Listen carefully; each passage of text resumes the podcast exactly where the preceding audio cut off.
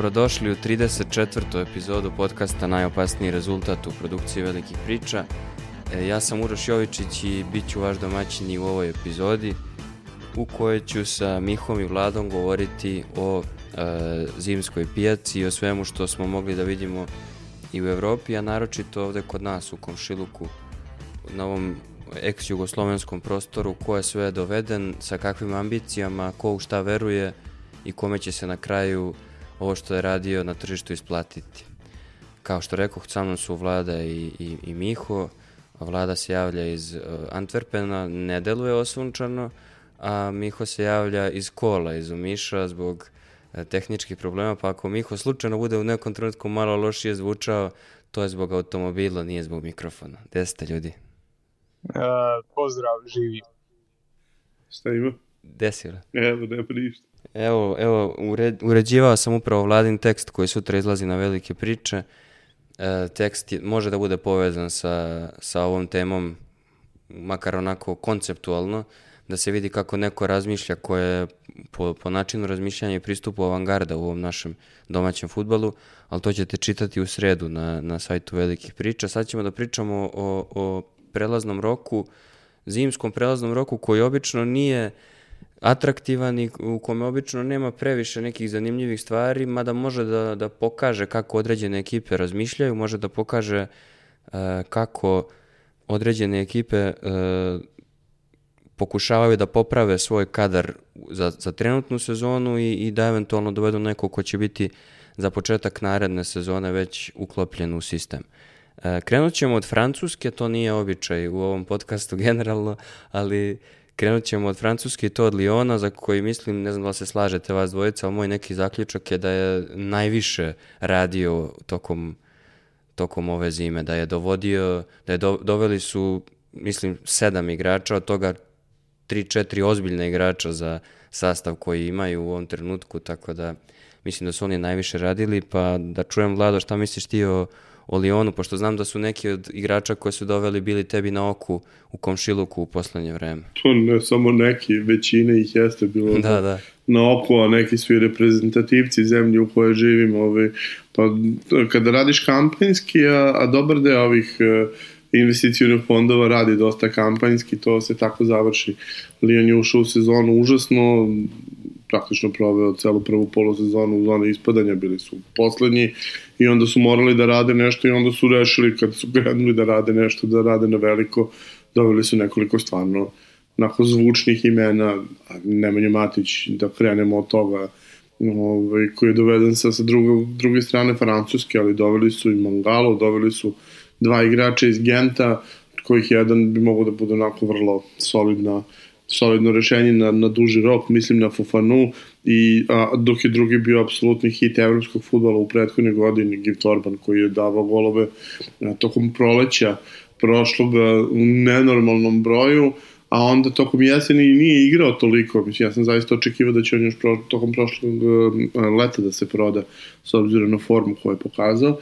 Tako da po, pojačali su se praktično na, na svim delovima terena, i to ima neke rezultate već, već u startu, oni su sad počeli da pobeđuju i to u, u, u um, nizu skoro, imaju pet utakmica posljednjih, otprilike polovinu bodova u celoj sezoni, dobili su sada super atraktivnu utakmicu, mada golom čoveka koji je došao, koji se vratio ranije.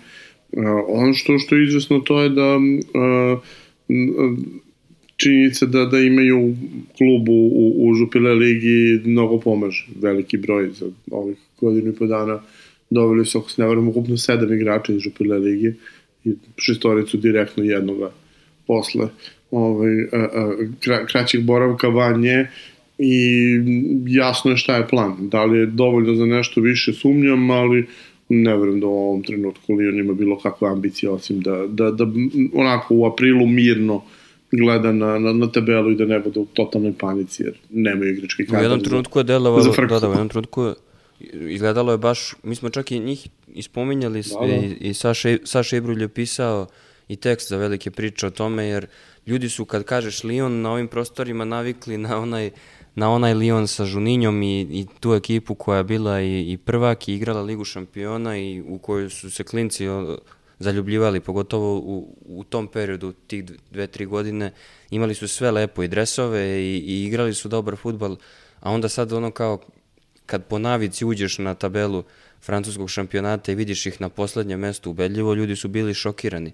Pa je onda Sale pisao tekst o tome, ali to nije zapravo bilo uopšte šokantno s obzirom na to da su radili upravo, kao što ti rekao, kampanjski kao i većina, ali oni onako bez previše mozga u prethodnom periodu, pa im se to osvetilo. To, to, je postao, to je postao light motiv ovaj, svih tih klubova koji su kupovali Amerikanci i onda radili sa njima to što su radili.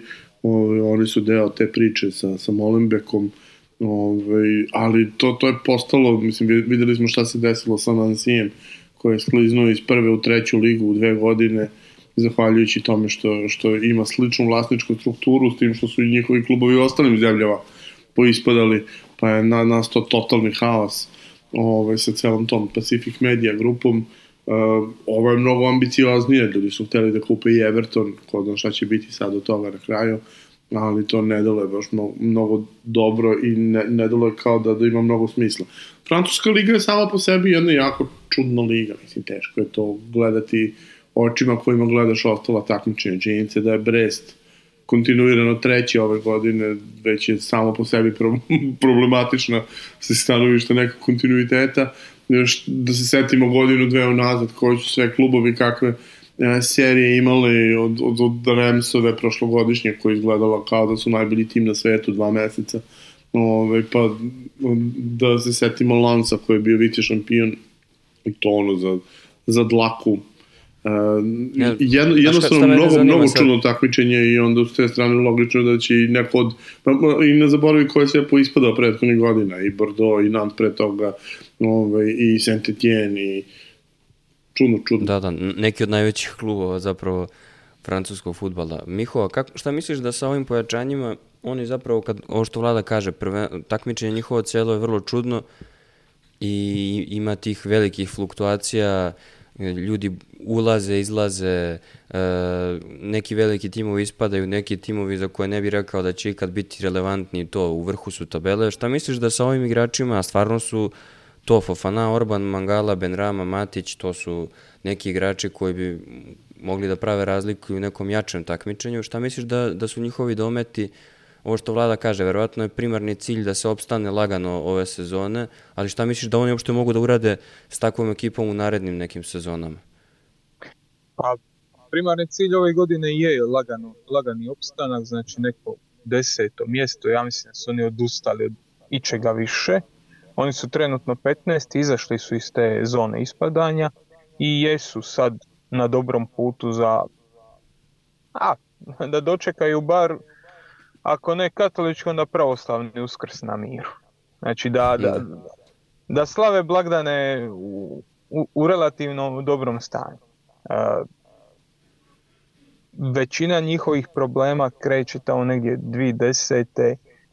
kad, kad francusko prvenstvo i generalno nogomet e, doživava veliki priljev novaca iz e, petrodolara iz e, Arapskog zaljeva. Znači imaš PSG u koje je uloženo, imaš City u koji je uloženo, e, Engleska liga se diže, ali generalno a, Aulaov e, način rada, znači njihov legendarni predsjednik koji ih je vodio 30 godina, u tom trenutku taj njegov način rada e, više jednostavno ne drži vodu.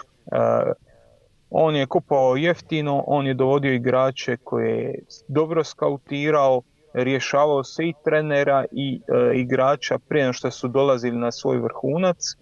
I zapravo njegova ta znaš na što mene jako posjeća taj njegov mandat? Na e, Patriotse pod, e, pod Bilom Beli čekom ako neko oni uvijek rješavali igrača prije nego što je taj igrač potegao vrhunac.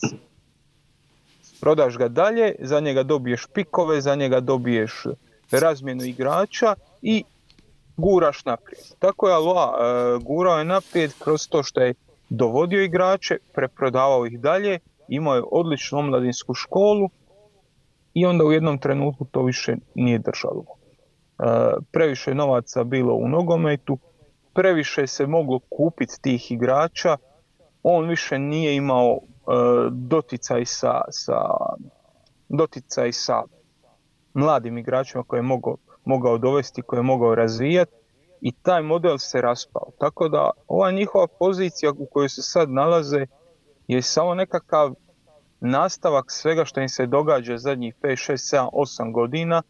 Vlado je to povezao s Amerikancima, mislim da su Amerikanci više posljedica nego uzrok.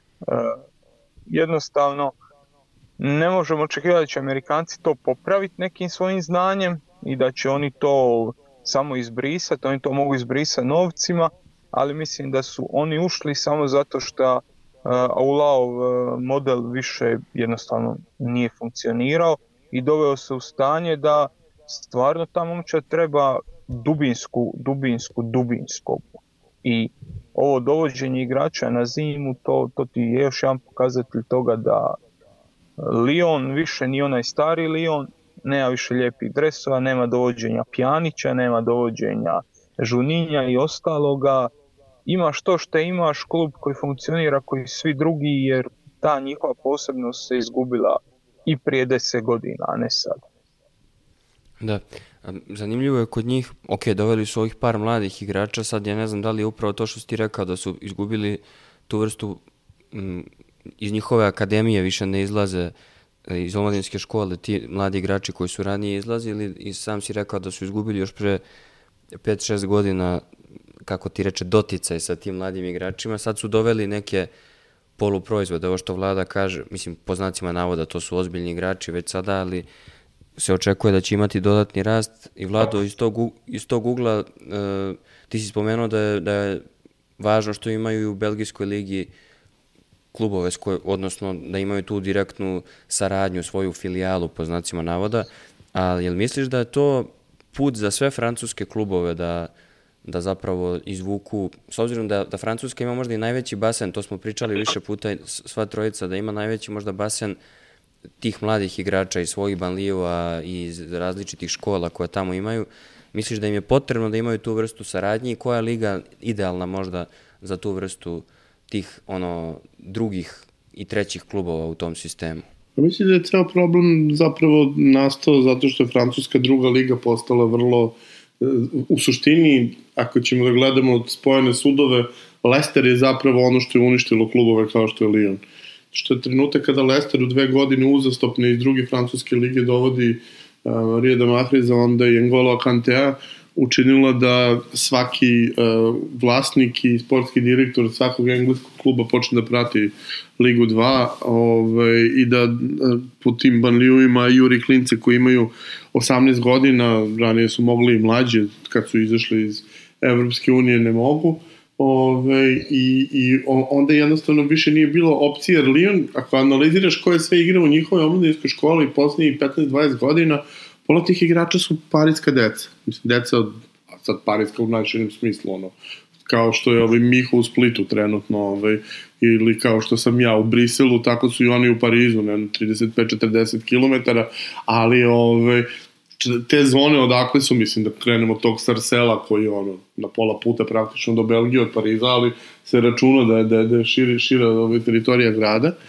Ove, i, i jednostavno više nemaju, nemaju e, dostupnost tih futbalera u, u, u meri u kojoj su ih imali pre 10-15 godina i to je očigledno nešto što, što ove velike tradicionalne klubove francuske mnogo muči očigledno da bolje funkcionišu ovi, da su se brže prilagodili ovi koji nisu imali taj model uglavnom klubovi koji nisu ni igrali prvu ligu do pre 6-7 godina dok ovi tradicionalne imaju tu nevolju. Mislim, i Francuska i liga koja je navikla pre, pre te lijonske serije sedam titula je navikla na, na, na to da konstantno menja šampione. E, bila gomila klubova koji su se borili za sam vrh, sada sedam godina Liona, a onda posle manje pauze cijela ova serija Paris Saint-Germaina i to što je toliko nedostižan je učinila da, da je verovatno e, su i ti klubovi ko, koji su se nalazili odmah ispod pomalo izgubili smisao. Mislim, koja ideja i Marseille, Liona, šta, šta mogu da postignu od eventualno budu vice šampioni,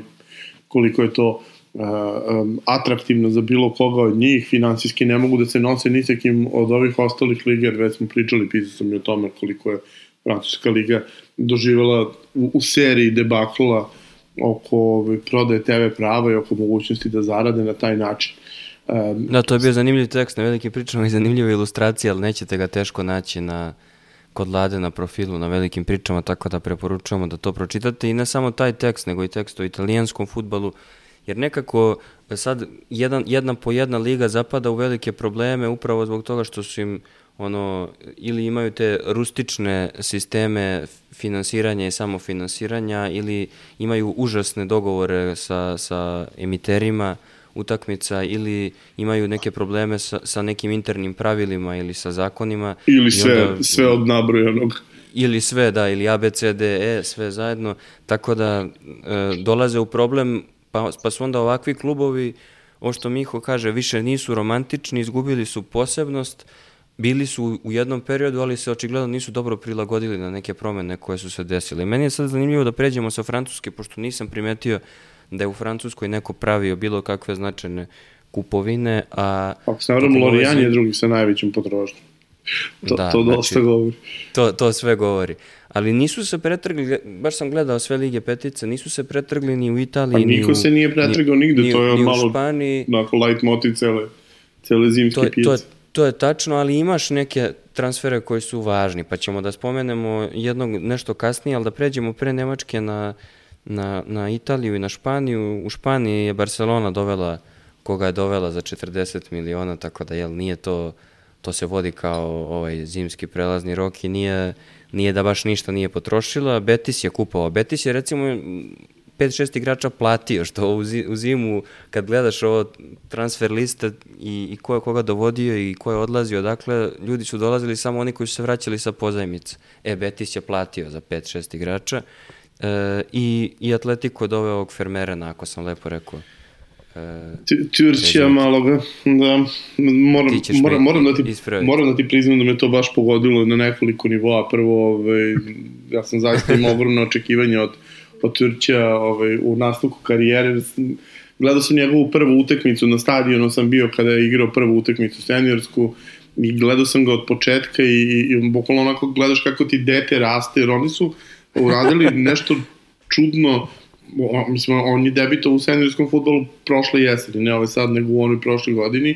I, i generalno pristup e, Antwerpa je jako čudan zato što s jedne strane dovode za belgijske standarde po, poskupe igrače i to ih je onda i koštalo ti, toga zato što su morali da prodaju momka za, za manje para nego što je trebalo, ali, jer su im bili neophodni novci da balansiraju budžet, ali ove, sa druge strane, evo, sad im je uh, gol za izjednačenje protiv uh, klub Riža postigao momak koji je uh, isto godište kao Vermeeren sa 30 metara prvi seniorski gol. Do duše njega sam gledao kad je igrao prvi put za seniorski tim e, kako je dao odlučujući penal u polufinalu kupa i plasirao svoju ekipu u finale na putu ka triple krone Mali Korbani. Ove, ovaj, e, Vermeeren onako delo je kao ne, ne bi pomislio da, da takav igrač može da, da se u 2024. godine razvije u Belgiji. Uglavnom su sada imigrantska deca ta koja su wow, wow, on je dete iz Lira, iz Fine, E, onako iz, iz finog odgoja, iz maloga grada gde ono, sve mu je bilo kako treba, a eto dao je ovaj, toliko na, na, na karijeru i toliko se trudio da, da, da toliko brzo postane stvarno spektakularan igrač i sećam se njegovog prvog intervjua gde bukvalno ne znam da izgovara rečenice i boji se kamere, boji se mikrofona, a sada je već onako stasao. Žao mi je što je otišao Atletico Madrid, uh, jer je Atletico Madrid klub koji onako meni u ovom super modernom futbolu, ovo od kad su počeli da igraju futbol, um, postao onako sinonim za, za pretrpavanje. I, I vidiš trenutak gde on ne može da dobije ni jedan minut utakmice bitne prve od kada je stigao, igrali su gradski derbi, njega nije bilo ni na minut na terenu. Pričali smo o tome ovaj, u, u, e, na temu Dušana Vlahovića u nekoj od ranijih epizoda da je, da je Atletico Madrid bio jedan od klubova u koje je mogao da, da, da, da zapadne kad je odlazio iz Firenze koliko bi to jedina bila gora opcija nego Juventus na svetu, otprilike u tom trenutku, jer Atletico Madrid tada ima jedno četiri elitna napadača, ovaj, a koristi jednog i po, ovaj, i, i upravo se to dogodilo, Vermeeren otišao ekipu u kojoj igra nekoliko ljudi kojima Čolo be, zauvek veruje, taman da više nikada ne mogu da stoje na dve noge i, i pomalo je prekobrojan i bojim se da će odigrati ono 300 minuta do kraja sezone. Da, to je, zato sam ispomenuo taj transfer jer sam znao da će da se trigeruje. Ono što meni zanimljivo kad spominjamo već Španiju i Italiju, neka, nekoliko vrlo mladih igrača iz Srbije zapalilo u Italiju, neki su otišli, potpisali ugovore pa će ostati do kraja sezone u, u Srbiji, neki neće. E, na, na pamet mi ovako iz prve pada, pada ovaj momak Matija Popović, on je, iz, on je u 19 faktički mislim, ne znam da li je što igrao za prvi tim Partizana, on je prešao u Moncu, mm. uh, onda imaš Mihajla Ilića koji je igrao čitavu zimsku polusezonu, on je, reci, mislim da je u Bolonji, ovaj Uroš Kabić u Torinu, tako da je gomila mladih srpskih igrača sad odlazi u, u seriju A. Ono što je zanimljivo, Miho, serija A je dom i za raznorazne hrvatske futbalere koji nisu ono top, top klasa, o, najbolji od, od onog što Hrvatska liga može da ponudi, već duže vreme, zar ne? Pa, vidi, to je, to, to je light motiv uh, serija, općenito serija je dom za one koji nisu najbolji, šta iz Hrvatske, šta iz iz drugih zemalja, da. Tako da nije tu Hrvatska ništa posebno. Hrvatsku je tu ubilo, ja mogu slobodno reći ubilo, činjenica da se ušao u Europsku uniju. Jedna od loših e, elemenata ulaska u Europsku uniju je to što je, su talijanski klubovi tamo između 2013. 14. i 2020 skupljali sve juniora što je valjalo. E, dečki su odlazili u Italiju, redom nisu uspjevali, a onda su klubovi uzimali hrvatske igrače te kako ti kažeš, druga, treća klasa, ne elitu, jer elitu ne možeš uzeti. Možeš ako si Juventus, Inter, ok, ali Kaljari, uh, itd., itd. su uzimali taj drugi ešalo naših igrača. Tako da iz te perspektive Italija je puna HR igrača jer domaći su. Ne vode se kao stranci, ne vode se kao, uh, ne vode se kao problem u knjigama, relativno su jeftiniji nego Talijani i zato imaš i Milana Badelja koji je tamo već godinama, imao si i Marka Roga, Marka Pjacu, Brekala, ali sad imaš jedan zanimljiv proces da se dosta tih igrača vraća natrag. Vraća se natrag u HNL, ti koji su uspjeli se vraćaju kao pojačanja, ti koji se nisu uspjeli se vraćaju oživljava karijeru. Jer doslovno je došlo do toga da dobar igrač može zaraditi otprilike sličnu plaću u Hajduku, Dinamu i Rijeci, kao što može zaraditi recimo u Monci ili Kaljariju ili evo, izaberi bilo koji od tih klubova s donje strane. Tipa Verona, igrače, najplaćeniji igrači u Hellas Veroni su oko milijun eura, 800 tisuća do, do milijun. Dinamo plaća više od toga. Hajduk je na tragu toga, nema baš toliko puno takvih igrača, ali je na tragu milijuna po sezoni. Tako da nekom dobrom HNL igraču, evo tipa Mirko Marić koji je bio najbolji strelac pre par godina, bio je u Monci, nije se probio u Monci, a njemu se trenutno više isplati biti u HNL nego, nego u. Jeste, a Vlado, ovi igrači koje sam spomenuo su dosta mladi i je li ovo put ili misliš da postoji neka druga liga, a znam za koju ligu misliš da je idealna kad su mladi srpski futboleri u pitanju, da idu u nju, pa me zanima šta misliš o tome što odlaze u Italiju, hoće to biti trend u narednom periodu? Na koju ti misliš da mislim? Na koju ligu mislim da, da, da misliš?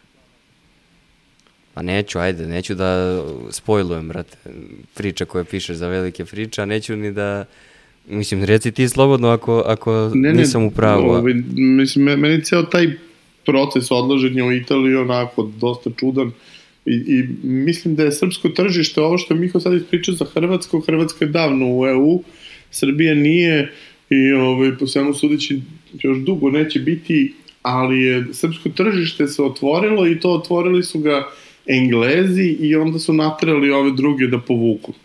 I onda je došlo do situacije te gde je Watford kupovao igrače, gde je City grupa kupovala igrače, ove, natrale praktično ove druge da, da, da reaguju i to da reaguju skupljujući drugi tip igrača. Reglezi su krenuli da jure ove klince koji sa 18 godina su već prvotimci. Dakle, igraš za mladost iz Lučana sa 16, dovešćete neka uh, ekipa sa, sa dna premier lige, pa će te poslati na pozemicu, pa nešto čim budeš napunio 18, čim budeš smeo da ideš. Uh, Italijani očigledno dovode igrače, evo videli smo Zvezda je prodala dva futbolera koja kojih jedan uopšte nije igrao, koliko ima, 120 minuta od kada je stigao iz Vojvodine, a drugi je prošle sezone igrao dosta, ove nije. Partizan je, ok, prodao jednog igrača koji je stvarno onako već počeo pravi minutažu, drugi nije. Um, um, jasno mi je šta, šta je njihova ideja. Znači, tačno je ovo što kaže Miho, ti ne možeš da, da uhvatiš e, najskuplje igrače. Italija je uvijek bila pogodno tlo za, za srpske futbolere. Bio jedan, jedan, jedan trenutak kada je E, Srbija bila prva u, e, u ostatku Evrope po, po broju da, da. igrača u ligama petice kada je bilo više igrača u seriji A nego u ostale četiri zajedno, sad se to malo nije to tako da izniveli, pa dobro, pre, pre tri godine. To se sad malo iznivelisalo u smislu da ih je dosta prešlo u Španiju. Pa je ovaj, tu malo, malo postoji ne, neki balans. Srba ima jako malo u premier ligi koja je mnogo bolja od ostale četiri ovaj, ali um, veliko je pitanje u Italiji, u Italiji postoji navika i to se nije promenilo ni sada kada su financijski postali uh, zemlja onako prednjeg trećeg sveta, ajde drugog sveta da to tako zovemo.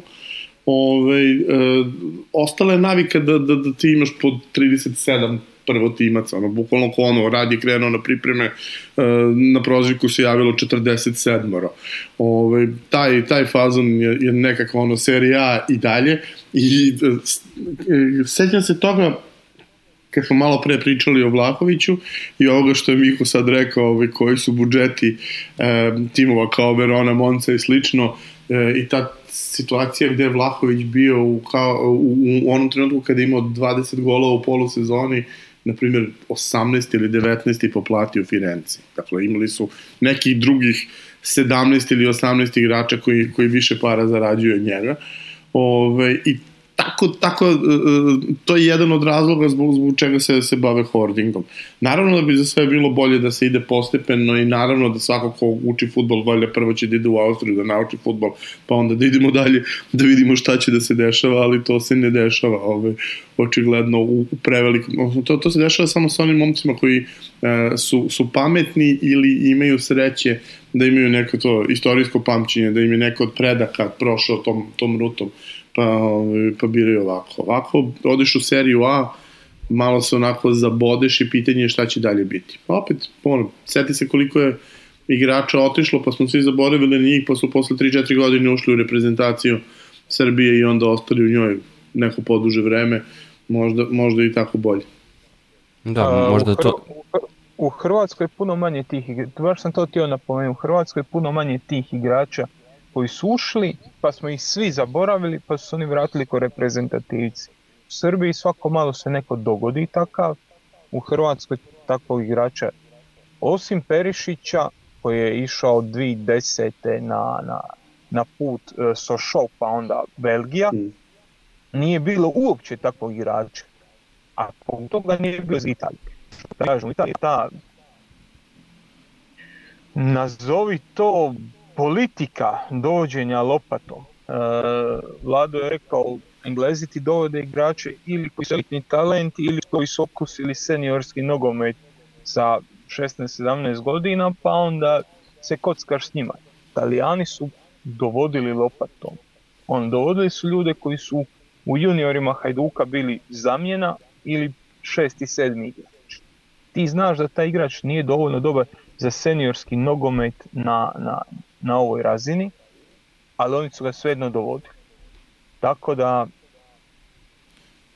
ja mislim da je tu najveći problem tog talijanskog nogometa, tih, te prozivke sa 50 ljudi. To je, to je nešto šta, jer koliko god taj, je li, je li uopće, a mislim uvre da je to nazvat moneyball pristupom, jer to nije moneyball, to je, to je ništa. Više Ali marble ball neki, ono, ko klikere skupljaš ih, ono, sto komada, pa jedan će ispasti. To je to, to je to. Marble Ball, odličan naziv. Ali ono, imaš 50 igrača i sad se ti nadaš da će jedan od tih 50 uspjet, umjesto da imaš 20 ili 25, da jednostavno kondenziraš taj svoj budžet, ne da ga rasipaš na svakog pomalo, nego da imaš 25 ljudi s kojima možeš igrati. A to te dovodi do ovog, ovog prijelaznog roka gdje tu imaš hrpu posudbi, gdje imaš preljevanje šupljeg u prazno, a zapravo nemaš ništa i nemam baš o čemu ni razgovarati kad, kad je stvar o talijanskom nogometu. Pa možda, možda je najbolje da pre nego što pređemo na Premier ligu završimo tim jednim transferom koji je bio izlazni iz, iz italijanskog futbala, a ulazni u Bundesligu. A Meni je zanimljiv Elmas zbog toga što, i, i Miho voleo bi da objasniš, zato što e, doveden je u zimu, e, zbog toga što nije mala stvar i, i jedan je zapravo od najvrednijih igrača koji su dovedeni u, u toko, tokom ovog prelaznog roka, a kad pogledaš koje su, koje su cene inače, doveden je za male pare, a kapiram da ga oni nisu doveli slučajno da imaju neki sistemski plan za njega, pa me zanima šta misliš koja je njegova budućnost, budućnost u Bundesligi i generalno, kao št- šta je njegov domet. Da, e, Red Bull Leipzig je doveo Elmasa za novce koji nisu pretjerano veliki, novci koji se mogu u modernom nogometu vrlo lako i otpisati. Oni u njemu imaju igrača koji je motoričan, koji ima a, kapacitete istrčavati tranzicije na koje se oni, a, na koji se oni baziraju. Vidjeli smo ga i u, u, u- Napoli, on se može snaći u uskim prostorima, on se može snaći u gužvi e, iz te perspektive. Ja mislim da oni uopće nemaju nikakav problem njega uklopiti u svoj stil nogom. E sad, je li njima treba takav lik, je li treba takav igrač, ili ti treba neko ko može napraviti dva na nogu, to je druga stvar. Jer kad Mhm. pogledaš koliko njima recimo Olmo i, i Čavi Simons znači, onda je to nešto sasvim stoto i to su drugačiji tipovi igrača od ovih koji oni skupljaju. Elmas je ono, Elmas i Sabicer, nemaš tu neku veliku razliku. Motorični, e, moćni igrači, ali igrači kojeg ćeš ti teško prodat negdje dalje i koji kad ode negdje dalje teško će napraviti neki, neki velik e, e, utisak. Zato, zato ima osjećaj da ga se Napoli i tako lagano riješio. Teško ga možeš prodat negdje dalje, ali za Leipzig ja mislim da će on biti jako dobar, e, jako dobar dodatak to, toj momčadi. Da se on jako dobro uklapa u njihov stil. A sad kad, rekao sam da ćemo ovim pitanjem da se uvedemo polako, da se izvedemo iz ovih ostalih liga petice i da odemo u Premier ligu. I moje prvo zapažanje kad je Premier liga u pitanju jeste da su svi nekako kao, kao, e, kao da su želeli da, da Brighton uradi nešto veliko. Odnosno da, kao da su svi čekali da vide šta će Brighton da dovede i da onda kažu, e, ovo je super, ovo je buduća velika stvar. Znaš, kao, kao da je Brighton već navikao ljude na to da mora da donese nešto veliko svakim prelaznim rokom i da će svaki njihov sljedeći igrač biti 80 miliona. Jel vam deluje to ili, ili sam ja u zabludi? Ali meni nekako izgleda da čim su spomenuli da imaju nekog i to sa onog kontinenta sa kog umeju da dovedu igrače, svi su bili u fazonu, ma da, to je to, to je sljedeća velika stvar. A uopšte ne mora da znači. A da, ne mora da znači, ali da su postavili neke standarde, postavili su samo... Ja nikad ne vjerujem u, u- ono, u beskonačno duboke bunare. Svaki bunar ima svoje dno i recimo Red Bull grupa, sad smo ih se dotakli, su jako dobro jedno vrijeme iskorištavali afrički bazen. Odlično su pronalazili igrače, mlade igrače, 16, 17, 18 godina. Dobro su e, radili nekakvu razvrstavanje talenata, dobro su procjenjivali i karakter i tehničke i taktičke sposobnosti i tu su dovodili igrače koja je za njihovu razinu top. Ali to je stalo nakon nekog vremena. Nisu oni promijenili svoju metodologiju, nego te, te jasne mete koje imaš vrlo brzo ubereš. Kasnije i drugi dođu gledat tu, i drugi dođu tražiti slične stvari i teško se probiti. Tako isto i sa, sa Brightonom. Brighton ima svoj pristup, Brighton ima, oni igraju Moneyball za razliku od uh, Marble Balla u, u Italiji, oni jako dobro pronalaze uh, talente, ali isto tako ja više nisam baš uvjeren da će oni svaki put izvući nekog Mitomu, da će svaki put izvući nekog Pascala Grossa kojeg drugi ne vide i da će baš svaki put napraviti neki plus. U, u ovom prelaznom roku su doveli ovog Valentina Barka iz Boke za 9 miliona i onda su ljudi krenuli, čitao sam makar pet različitih tekstova gde ljudi analiziraju šta je on do sada radio i zašto bi on mogao. Znaš kao, traže razlog da poveruju da je on taj neki budući što si rekao mi Toma ili bilo ko od ovih koji su stvarno napravili nešto u Brightonu. Kako je tebi, Vlado, izgledala, izgledao prelazni rok ovaj, u, u, u čitavi premier ligi? Nije bilo, ovo što smo rekli, nikakvih značajnih nekih ogromnih stvari. E, City je doveo isto svog jednog iz Argentine, pa ga odmah ostavio tamo na, na pozajmici i to bi isto moglo da bude, ne znam kako ti deluje taj transfer, jel, jel on ima neki potencijal dublji? Ja sam ga doveo u e, menadžeru, pa ti vidi. Znači, taj dečko je legenda buduća. O... Ne, generalno me zanima kako vidiš ceo. Crystal Palace je malo više trošio, ali mislim da je to, mislim, malo više za, za, u odnosu na ništa. Ja, ali pa, patetično je zaista delovalo, pa mislim, sve, sve ti govori to što je Nedeljković, ako se ne varam, peti najveći transfer u premier ligi ovog januara, a otišao je za manje od 10 miliona i to onako, i to došao je da bude u startu rezerva na poziciji beka. Znači, za rezervnog, rezervni bek ti je peti najveći transfer u ligi.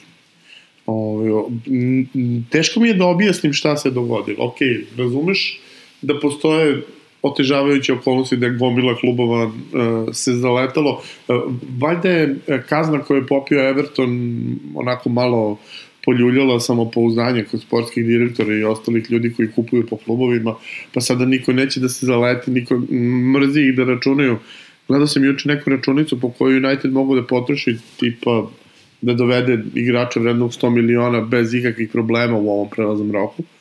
Ali nisu hteli da rizikuju zato što, citiram, upali bi u problem slučaj da, na primjer, funta padne za, za 4 penija po dolaru u sledećih e, nekoliko meseci, onda bi otišli u FFP.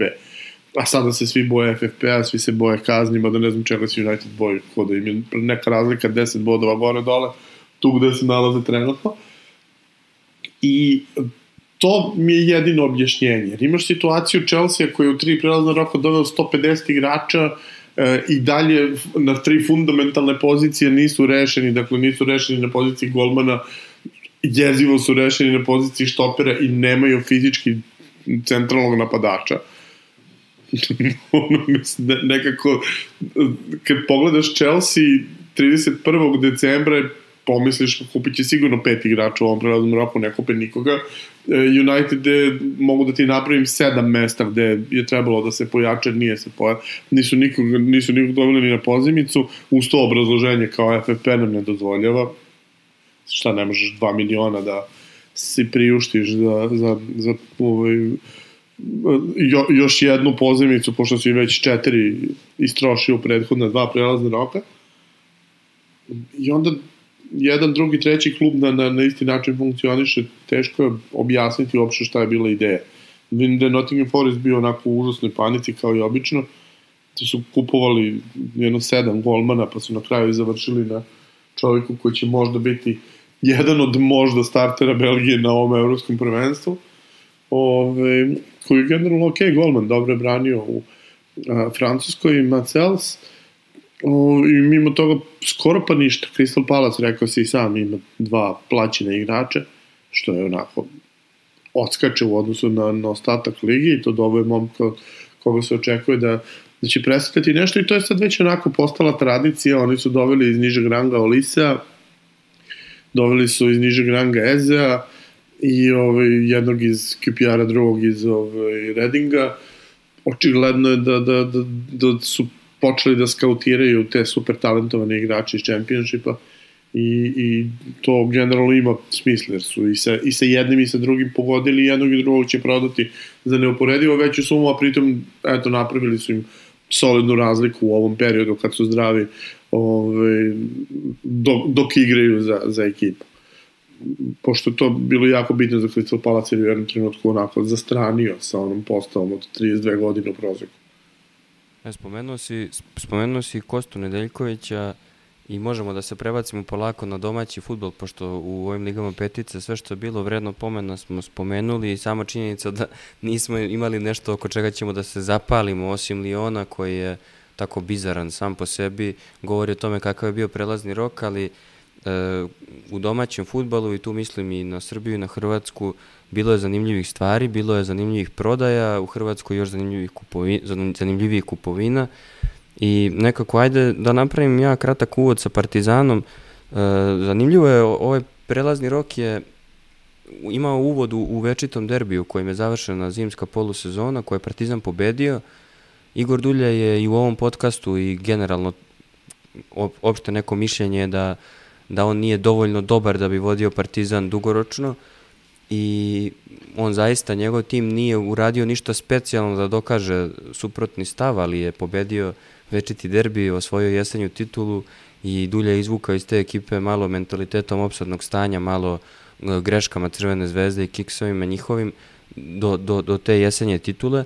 Ali onda se posle derbija otvorila Dizna pa, se, pa smo mogli da čujemo po medijima da je zapravo pošto je na derbiju bio i, i Dario Srna, pa da su Srna i Duljaj e, zajedno dovodili neke futbalere tokom leta, pa smo onda shvatili da zapravo Duljaj nije toliko pao s Marsa i, i seo na tu klupu i nije radio ništa, nego se stvarno aktivirao da pokuša da napravi tim koliko je do njega i koliko se on pita da uradi neke korisne stvari, pa je onda u, tom nekom smislu kogod je doveden u Partizan tokom ove zime, a Partizan je iskeširao i neki malo veći novac u odnosu na prethodne prelazne rokove, bila je priča, evo Srna je doveo ovog u Partizan, Srna je preporučio ovog iz Koreje, Srna je preporučio, manje više Srna izgleda sve preporučio Duljaju, što ne mora da bude neistina, ali je samo zanimljiv taj pristup. I nekako po tome ispada da Duljaj funkcioniše kao zaseban entitet u klubu, kao on dovodi, kao menadžer, on dovodi on, on dovodi igrače, drži treninge, motiviše, radi sve zapravo i to je onako doba, dobra metafora stanja u Partizanu. S druge strane, iz Partizana su otišli ključni igrači ili neki ključnih igrača, ovaj Mihajlo Ilić koga smo spomenuli koji je otišao u Italiju i Kristijan Belić koji je bio verovatno najzna, jedan od najboljih futbalera, ja bih rekao i najbolji futbaler Partizana uh, uz Saldanju u, u, u zimskoj polus, ovoj jesenjoj polusezoni. Uh, iz tog ugla ne deluje mi da je Partizan uradio nešto da, da unapredi tim. Možda je doveo igrača kojima će popuniti neke rupe koje su nastale odlascima tih mladih igrača. E, navijači su nezadovoljni što je uprava pustila uopšte te mlade igrače da idu što nisu sačekali do leta i to i dalje potkrepljuje njihov stav da, da je to udruženi zločinački poduhvat protiv Partizana. S druge strane, stvarno ti igrači koji su došli, mi ne možemo da kažemo to ono što smo pričali tokom leta ti ja, Vlado, kad sam ti ja rekao da pravimo tekst o Baharu i ti si rekao može, ali šta da pišemo? šta da kažemo kad ne znamo šta možemo da očekujemo? I to je otprilike situacija i sa Partizanom ovaj put. A u tekstu koji ćete sutra čitati Vladinom možete da pročitati kako funkcionišu klubovi koji zaista imaju neku vrstu plana. E sad, Zvezda je s druge strane e, uspela da proda dva igrača za ozbiljne pare kad je srpski futbol u pitanju i govori se o transferu Osmana Bukarija kao trećeg kao treći ozbiljan transfer. Vlado, kako ti vidiš te, te poslove koje je Zvezdan Terzić odradio i spomenuo si Kostu Nedeljkovića, to je ozbiljan novac za nekog ko je odigrao jednu, doslovno jednu seniorsku ozbiljnu polusezonu. Ok, imao je neke dobre nastupe, gledao sam ga i uživo u Beogradu u Ligi šampiona, ali deluje li ti da je Zvezda tu izvukla maksimum u ovom trenutku i, i drugi transfer takođe Jovana Mijatovića? Pa stvar, stvar sa maksimumom i zvezdom je onako dosta uvek e, škakljiva iz prostog razloga što e, postoji to uverenje da, a, a da su ostali još malo, mogli, mogli bi da vrede i više, a onda ove, pogledaš, oni su igrali u Srpskoj ligi, kako tačno igrajući u Srpskoj ligi možeš da počneš da koštaš više. Ruku na srce Srpska liga je malo ovaj, se pomerila sada sa neke mrtve tačke i pošto je gomila klubova zaradila neke pare u prethodnom periodu, počeli su nešto i da plaćaju igrače, tako da um, više nije baš onako na, na nivou ispod Malteške, što se financija tiče, ali nije baš ni, ni, ni daleko odmaklo od toga. Um, Zvezda je specifičan klub. Pričali smo o tome mnogo puta. Um, ne isplatiti se da, da držiš klince iz prostog razloga što ne možeš da im daš baš mnogo veliku minutažu. Nedeljkoviću se zaista otvorilo iz prostog razloga što Zvezda um, još od one čuvene Terzićeve rečenice, ovaj, nisam navikao da plaćam bekove, citat završen, ovaj, uh, uvek ima problema sa tim. Zvezda ima jednog do dva beka, a u jednom trenutku, u jedne polusezonu i tri beka manje nego što im treba za, za rotaciju, koliko već, pet godina. Ovaj, I stalno fali, Rodić je mučenik bio jedini levi bek tri godine, onda su mu doveli Žandera da, da ga menja, ovaj, na drugoj strani desnog beka dugo nije ni bilo, jer kad je ostao ovaj, Gobeljić sam kao desni bek, kome je to prinudna pozicija, jer ono, nije, nije to po, po prirodi. Ove, tu, tu je takođe postao problem i onda se Nedeljković otvorilo mesto da može da igra, da ne pravi neku veliku razliku u smislu da, da pravi probleme. Neki, neki od igrača koje je Zvezda koristila u Evropi kao popularne bonuse u prethodnim godinama je, su, su baš onako pravili problem. Sećam se Veljka Nikolića kada su forsirali, Veljko Nikolić je gubio 7-8 lopti u polusezoni u, u, u svojoj trećini i direktno otvarao protivniku Zicere. Ovoga puta se to nije događalo i s te strane je jasno da bi on igrao, međutim bek u Srpskoj ligi još šest meseci ne bi košta više u, u, u letnjem prelaznom roku a verovatno da bi ga mnogi zaboravili, s obzirom da su ga sada gledali. Što se tiče Mijatovića, mislim da je slična priča kao sa Joveljićem. Uh, Joveljić je isto tako prodat praktično čim je bilo moguće, jer s prostog razloga što ti ne možeš da startuješ Mijatovića. Mijatović je klinac, Zvezda ima polosezonu u kojoj mora da pobeđuje iz utakmice u utakmicu, ne možeš sa, sa 18-godišnjakom to da radiš, morat ćeš da staviš nekoga iskusnijeg, a onda ćeš ga ubacivati kao super saba, A ja nekako, mislim, nemam pojma, nisam pričao sa Milojevićem o tome, ali imam utisak da je njemu laknulo. Jer u situaciji u kojoj njih dvojica, posebno Mijatović, su u Beogradu, uh, pritisak javnosti da ih startuje prvog trenutka kada neko od stranih futbolera ne da gol dramatičan, a on je trener koji će ići na, na, na, na zicere, koji će ići na 1-0 svaku utakmicu, koji će ići na svojih 10 igrača u koje veruje, jer je tako vodio ekipu i kada je bio super uspešan u, u prethodnom periodu. I, i mislim, mislim da bi mu to onako dosta poremetilo situaciju, mislim, možda su ljudi zaboravili kako je Zvezdin tim izgledao u, u periodu ovaj, 2017, 18, 19, gde jednostavno nije bilo mesta za klince ni izbliza koliko je bilo mesta za njih prethodne jeseni. Tako da s te strane mislim da je onako dobar keš uzet za futbolere sa tržišta koji jednostavno nije, uh, ti ne, nemaš igrača sa, sa pasošima Evropske unije, ti uh, nemaš igrače koji su se potvrdili u prethodnom periodu, Zvezda nema naviku da prodaje uspešne igrače, gde smo pričali o tome da je Nemanja Radonjić i dalje najveći transfer tu sa 12 miliona u ovoj novoj eri. Uh, nekako mi se čini da je bukvalno izvučeno i više nego što je bilo realno, pogotovo u slučaju Nedeljkovića, stvarno nisam očekivao da će neko ponuditi desetak miliona evra za, za, za, za njega posle samo, samo nekoliko meseci. E, rekao si, Kako će njemu da biti da Milojević... to je veliko pitanje iz prostog razloga što e, Ma prvo da. pritisak koji ga tamo čeka, tempo premier lige i Mati Cash teško je zamisliti da, da, pri, prilike koje će dobiti, tako je.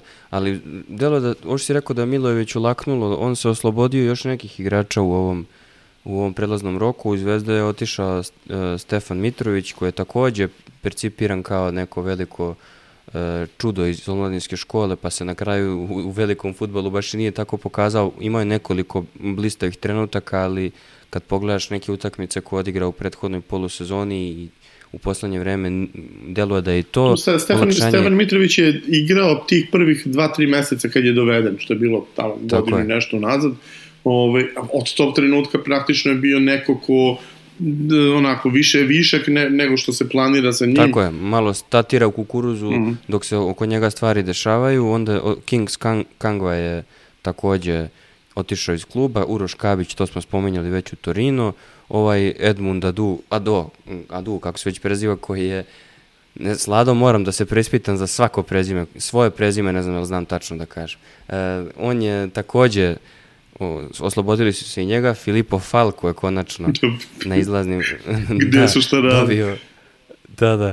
Tako da Zvezda je dovela Uroša Sremčevića iz, iz uh, mladosti i, i Vuka Bogdanovića iz Vojvodine i Kosta je ostao tu još jednu uh, polusezonu. Mm, Aston Villa ga je ostavila u Beogradu, tako da deluje da je Zvezda uh, spremna za, za jesenju polusezonu. Priča se o tome da je Vladan Milojević uh, onako malo doveo u red i opustio šerifa i da bi od njega mogli da dobijemo ono što je, je Miho Miho, inače, za sve naše slušalce koji to ne znaju, a nijedan slušalac to ne zna, e, sedeo sa, sa šerifom ljudi se, znaš, ono, sedeli u kafani, znaju se ljudi, može da vam ispriča iz prve ruke. On misle da sam u menadžer. to je lepo, to je lepo. I onda, i, onda, I onda se pitate što ne može da pogodi 30 kvadrata, pa ako od Mihe misli da je... Čovjek menadžera ne može da pogodi, a ne gol. ali mo moći ćemo da gledamo verovatno tokom proleća uh, drugačijeg malo šerifa nego kod Bahara, tako da mi deluje u ovom trenutku kad pogledaš Zvezdu i Partizan, Partizan je dao još jednog omladinca, to sam zaboravio, uh, on je otišao u, u Veronu takođe, tako da Partizan nekako gleda da se oslobodi ovih igrača koje može da uzme novac koji može da uzme i ulazi u, u, u prolećnu polusezonu bez pritiska jer je nekako očekivanje da će Zvezda da okrene, uh, duljaju se kao stolice sve vreme trese i on svaki dan daje izjave o tome da je on uradio sve što može, pa ako ga neko smeni, smeni ga. Tako da ovaj prelazni rok, osim što su otišli ti bitni igrači, mladi igrači na kojima je možda moglo i više da se zaradi, ovo što vlada kaže upravo, e, to je makar opšti neki stav jača Partizana, ništa drugo nije urađeno, ok, Dobro, mislim, ljudi, ljudi kada pričaju o Partizanu, ljudi uporno neće da primete, ovo više nije ni slon, ovo je sad već nije ni kit, ovo je Argentinosaurus u sobi. Partizan ove godine iz Evrope zaradio pola, malo preko pola miliona evra. Zvezda zaradila 30 miliona. Prošle godine Zvezda isto, iako imala loše rezultate, zahvaljujući istorijskom bilansu i tome što je igrala u, u skupljem kupu, uh, skupila neki 5-6 miliona. Dakle, Partizan je u minusu samo iz UEFA ovaj, kase 30 miliona u dve sezone, preko 30 miliona u dve sezone u odnosu na Zvezdu. Dakle, Partizan, nema, pa, Partizan mora da igra Evropu u grupi solidno da bi izašao na nulu. Partizan je u debelo minusu ove godine, mora da proda igrače iz prostog razloga što uh, uh, ukoliko, ukoliko ne zarade de, de, desetak miliona na prodaj igrača tokom ove zime, oni padaju onako u u, u minus koji može da ih spreči fizički da igraju u Evropu sledeće godine, što je onda direktan suicid za klub. Mislim, mo, moraju da, da, da vode računa o budućnosti kluba koja je u tome da, da, da ako budu drugoplasirani, oni imaju otvoren put da igraju uh, evropsku jesen, s obzirom da Srbija opet ima pet timova u Evropi i, i za drugoplasiranog je uh, uh, mesto zagarantovano u grupnoj fazi. To je nešto što sedneš na papir i proračunaš, da li imamo da, od neku da pozemim 10 miliona da izguram, pa da pustim te klince da igraju, a nikakvu garanciju nemam da ću nešto da uradim, ili, ili ću da, da uložim novac. Lepo si da, rekao, mislim, doveli... Christian Belić je za njih najveći gubitak, jer se radi o futboleru koji zaista odigrao fantastičnu sezonu i ono što je najgore za Partizan od Kristijana Belića su uzeli samo pola para jer pola para je otišlo Čukaričkom. Čukarički je zapravo apsolutni pobednik zimske pijace, jer su dva, ostali su bez dva igrača koji nisu igrali za njih. Prošle jeseni jedan je bio na pozemici u Los Angelesu, drugi je igrao za Partizan, a od jednog su dobili milion jer su pozemicu pretvorili u transfer, a od drugog su dobili 2 miliona jer je ovaj, otišao na 50%.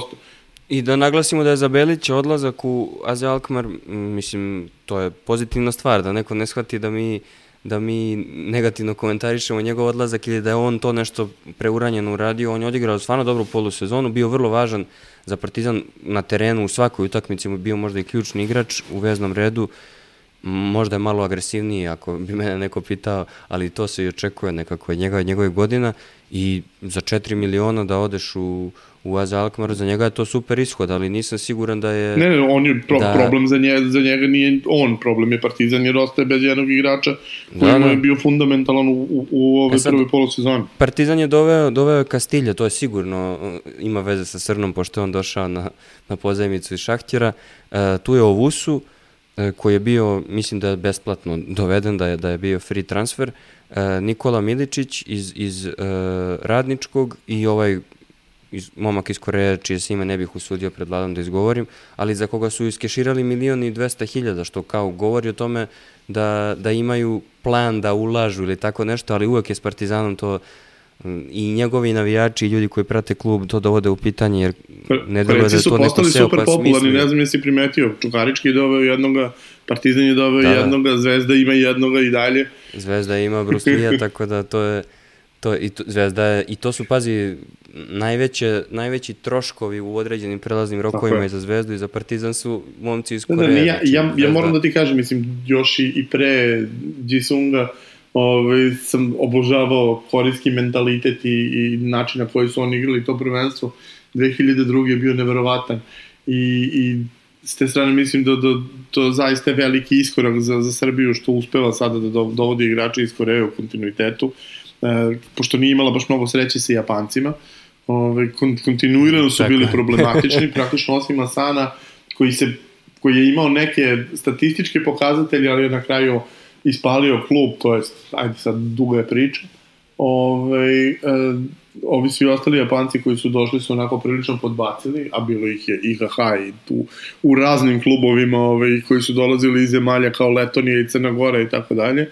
Ove, ali Korejci za sada imaju dobar skor i, i, i pretpostavljam da, da bi Partizan tu mogao onako jako lepo da prođe. Ono što je samo problem što oni posle nemaju baš neki sellability, dakle ne mogu mnogo više para da uzmu od njega, ali ako im doneste rezultat, to bi bilo sjajno. Da, i nekako kad zatvaramo priču o prelaznom roku u Srbiji, možemo da kažemo da koliko god neke stvari bile, koliko god se neke stvari dešavale i u Zvezdi i u Partizanu tokom ovog prelaznog roka, ne možemo da kažemo da, će, da je prelazni rok može mnogo da promeni ono mišljenje koje su ljudi imali o tome šta nas čeka na proleće i pre nego što su se prodaje i kupovine desile. Nekako i dalje se očekuje da Zvezda s obzirom na širinu kadra i kvalitet u jednom trenutku prelomi prvenstvo u svoju korist, a da Partizan e, krene da, da štuca, mada se u, u to očekivalo i tokom jeseni, pa Partizan to nije dozvolio i iskoristio svaki zvezdin kiks na pravi način i okrenuo neke utakmice. U Hrvatskoj, s druge strane, Miho Aminuj, e, ovaj prelazni rok mogao bi da donese stvarno ono, rezultatske promene i, i direktan impekt na, na, na rezultat i, i na ono što se dešava na terenu. I hajde da krenemo, zašto da ne, od Hajduka koji je imao ono e, romantičnu priču sa Ivanom Perišićem koja je okončana dalmatinskom katarzom. Dvoje su se tako pa smuvali. Onda, da, dvoje su se tako smuvali. Znači, vrlo rekao bih zanimljiv, jedan od najzanimljivijih u posljednjih ko zna koliko godina prelaznih rokova za Hajduk. Prvo zbog toga što je Perišić došao, konačno je došlo to vrime. Uh, Hajduk je doveo umeđu vremenu i, i, i Klein Heschlera koji je važan igrač za, za ono što Hajduk čeka na proleće i onda se desio taj statement sa, sa Brekalom, tako da kako ti to vidiš s obzirom na to da znam da je opšte je mišljenje da je ta, to sa Brekalom bio šamar Dinamu, Perišić ne može da bude koristan Hajduku tokom proleća previše, ali je stvar ono i e, članstva i, i dresova i svega ostalog i toga da se pokaže da to može da se desi i da treba da se veruje u čuda, ali šta to može zapravo na terenu da donese Hajduku? A vidi, Hajduk... A, ajmo zapravo krenuti od HNL-a, ne od Hajduka. A, mi smo sad vidjeli u Zvezdi, Partizanu, imaš izlazne transfere, imaš neke, neke pretubacije. A, u Europi nemaš baš nešto puno transfera, u HNL-u imaš. U sva tri ta vodeća kluba imaš nešto. Zašto? Jer Ok, Vlado je rekao u Engleskoj imaš sad uh, fair play financijski koji te ograničava i koji ti daje nekakav strah nakon onoga što se dogodilo u uh, Evertonu, ali imaš i drugi faktor. To je da ti imaš dovoljno love da ti posložiš sebi uh, da ti posložiš sebi momčad na ljeto. Ti na ljeto dovodiš i znaš da ne možeš ostati na jednom ljevom krilu. Ti znaš da ćeš imati dva lijeva krila imaš dovoljno novaca da to isfinanciraš. Sad, nekad ćeš pogoditi s pojačanje, nekad nećeš, nekad neki od tih igrača koji si doveo će biti flopovi, ali generalno si popunio pozicije. Kajnelus imao situaciju da ti te pozicije nisu popunjene. I onda da koristiš zimski prijelazni rok, e, preko jeseni si iskristalizirao igru, iskristalizirao si prvih 10, 11, 12, ali ti nedostaje ovo, ali ti nedostaje on. Znači nedostaju ti neke konkretne stvari koje si sad završavao preko zime. Hajduku je to bio problem lijevog krila. Perišić je idealan, Perišić je super, ali Perišić neće igrati nogomet do pa barem 15. Bar aprila. Tako je, tako je, bar aprila. Barem tada, 1. maj je puno ovaj puno realni. Mm, u ostalom Perišić je sad u Beogradu, nije, nije čak ni tu kod nas, nego radi na oporav. Tako Oporavlja se kod Andreja, tako je. Doveli, doveli su njega e, sa, sa jednom zanimljivom klauzom. Perišić je čovjek koji je početak sezone proveo u Tottenhamu, koji igra u Tottenhamu, koji je u hrvatskoj nogometnoj reprezentaciji pokazao da je još uvijek nositelj igre, znači ne starter, nosi jedan od tri najbitnije igrača i on je prije dva dana napunio uh, 35 godina. Proslao je 35. rođendan, ali on je još uvijek dovoljno atraktivan na tržištu da on dobije ponude iz Saudijske Arabije. imao je te ponude i ovog ljeta, imao je i ove zime nešto ponuda, i zato je zanimljiva ta klauzula u njegovom On je u Hajduk došao na posudbu, na pozajmnicu iz Tottenhema. Hajduk je prodao Luku Vuškovića u Tottenham, najtalentiranijeg mladog stopera u Hrvatskoj. Hajduk je s njim uh, prodao ga za 30 milijuna eura, znači napravio je rekordnu prodaju, izlazni transfer. Prodali su ga u Tottenham i Tottenham je izašao u susret i pustio je Perišića na pozajmicu. Znači Perišić Hajduka košta 1 euro, ovo, ovo proljeće, plaću mu isplaćuje to. Šta je zanimljiva klauzula da napokon dođem do nje? Da, da, jača predigra malo. Da, da, s smaranjem do snošaja. Otprilike ko hajde Uglavnom, e, Perišić ima klauzulu ugovoru da za e, neku otkupnu cijenu može e, se otkinuti ta njegov Znači on je sad na posudbi do ljeta i onda je potpisao za još jednu sezonu. Ali ako neko donese lovu na ljeto može ga uzeti, ako neko donese lovu na zimu može ga uzeti. I to će biti zanimljivo kako će to izgledati. Jer ako s njemu sleti ponuda od 20 milijuna eura po sezoni iz Arabije, vrlo lako se može dogoditi da, da jednostavno niti ne zaigra za Hajduk će tu uzeti 3-4 milijuna eura na igrača koji realno nikad nije bio njegov. Malo će pojačati budžet, ali vrlo se lako može dogoditi da od Perišića ne dobiješ ništa. I u tom kontekstu, koliko god taj hype bio važan, koliko god bio, Hajduk sad ima 90 tisuća članova. Hajduk sad ima ove sezone, evo ja sam bio prekičer kupi dres za poklon, nema L dresova. Prodani su, rasprodani su, sve je prodano. Ne možeš nabaviti. Dva tjedna se čeka dres. Znači, suludo je koliko je taj njegov dolazak stvorio dobru atmosferu. Ali, ja sam još uvijek skeptik oko toga koliko će on zapravo dati Hajduku na terenu. Koliko Hajduk od njega može računati u samoj igri, a očekivanja su se podigla očekivanja se podigla kao da on igra. E, Hajduk je prije tjedan dana remizirao sa, sa Rijekom, odigra, e, odnosno pardon, izgubio od Rijeke. Vodio si 1-0, izgubio si 2-1 na domaćem terenu.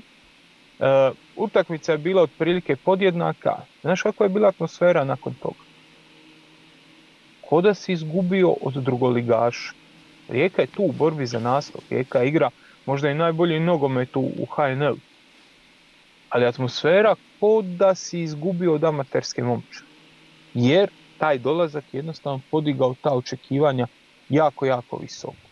Hajduk Josim Perišića doveo Klaj Hešlera prvo, jer ono, čisto da uputimo ljude, sumnjam da ga je puno ljudi gledalo, pogotovo iz Srbije, sumnjam da ga je puno ljudi gledalo u, uh, u Osijeku, ali ono, to je riječ o jednom ofanzivno veznom igraču, ali ono, Red Bull tip igrača, igrač koji je odličan na drugim loptama, igrač koji uh, jako dobro odrađuje faz obrane, odličan je u pritisku, ima šut izvani, ali nije neki kreator, nije da ima dribling, nije da ima proigravanje, odlično izvodi prekide, odličan ubačaj i onda ga ti možeš skloniti na krilo i na tom krilu ti može nešto dati.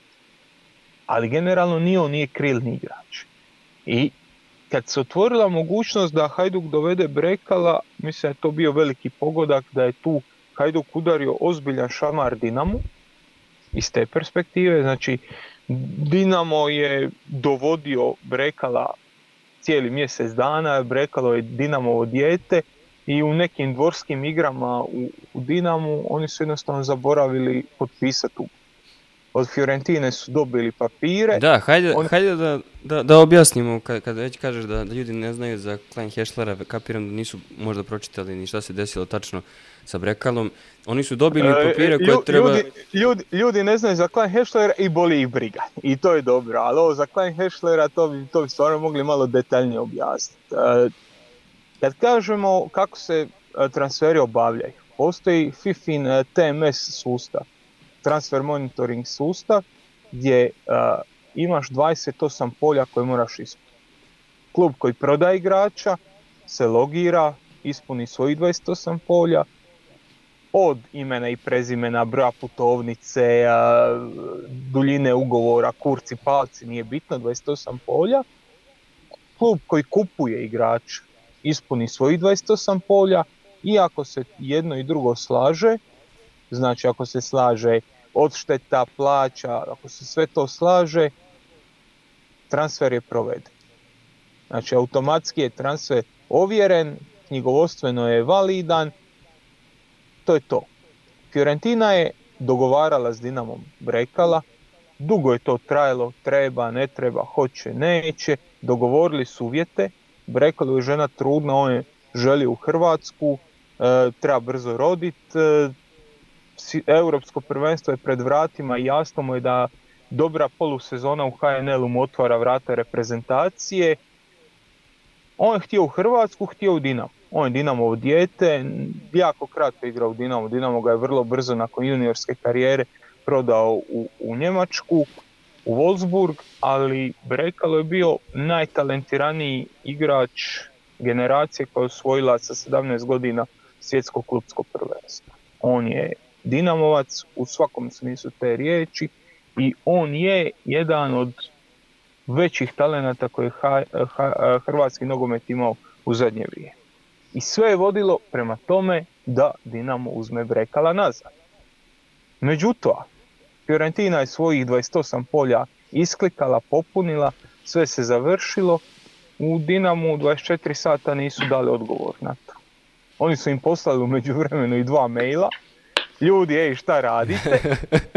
Ali Dinamo je umeđu vremenu izgubio od lokomotive e, i to 3-0 izgubio. Dinamo je vijeća o tome hoće li ili neće smijeniti trenera. I otpustili čovjeka koji jedini imao password da odgovori.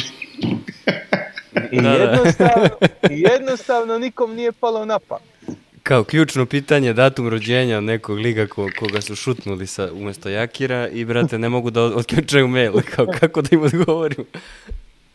I tako je transfer propao i dogodilo se to da je Brekalo iz vjerojatno nekog inata, iz revolta i svega pristao na ponudu Hajduka koja je bila manja, gdje on zarađuje ozbiljno manje novce nego što bi zarađivao u Dinamu ali gdje je došao u Hajduk nakon 6 sati pregovora. Znači, u, unutar 6 sati od prvog kontakta sve je bilo riješeno. Očito Pazi, u, u Srbiji malo... se da, da, malo imaju boljeg tog za, za mailove. Tako je, tako je. E, boljeg mail, imaju.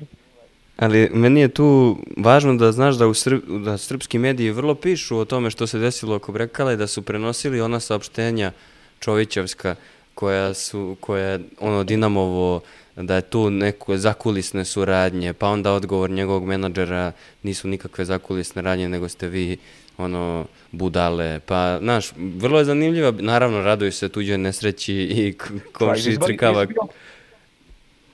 Čio, ej, nema ništa slađeno kad komši crkne krava. Jest.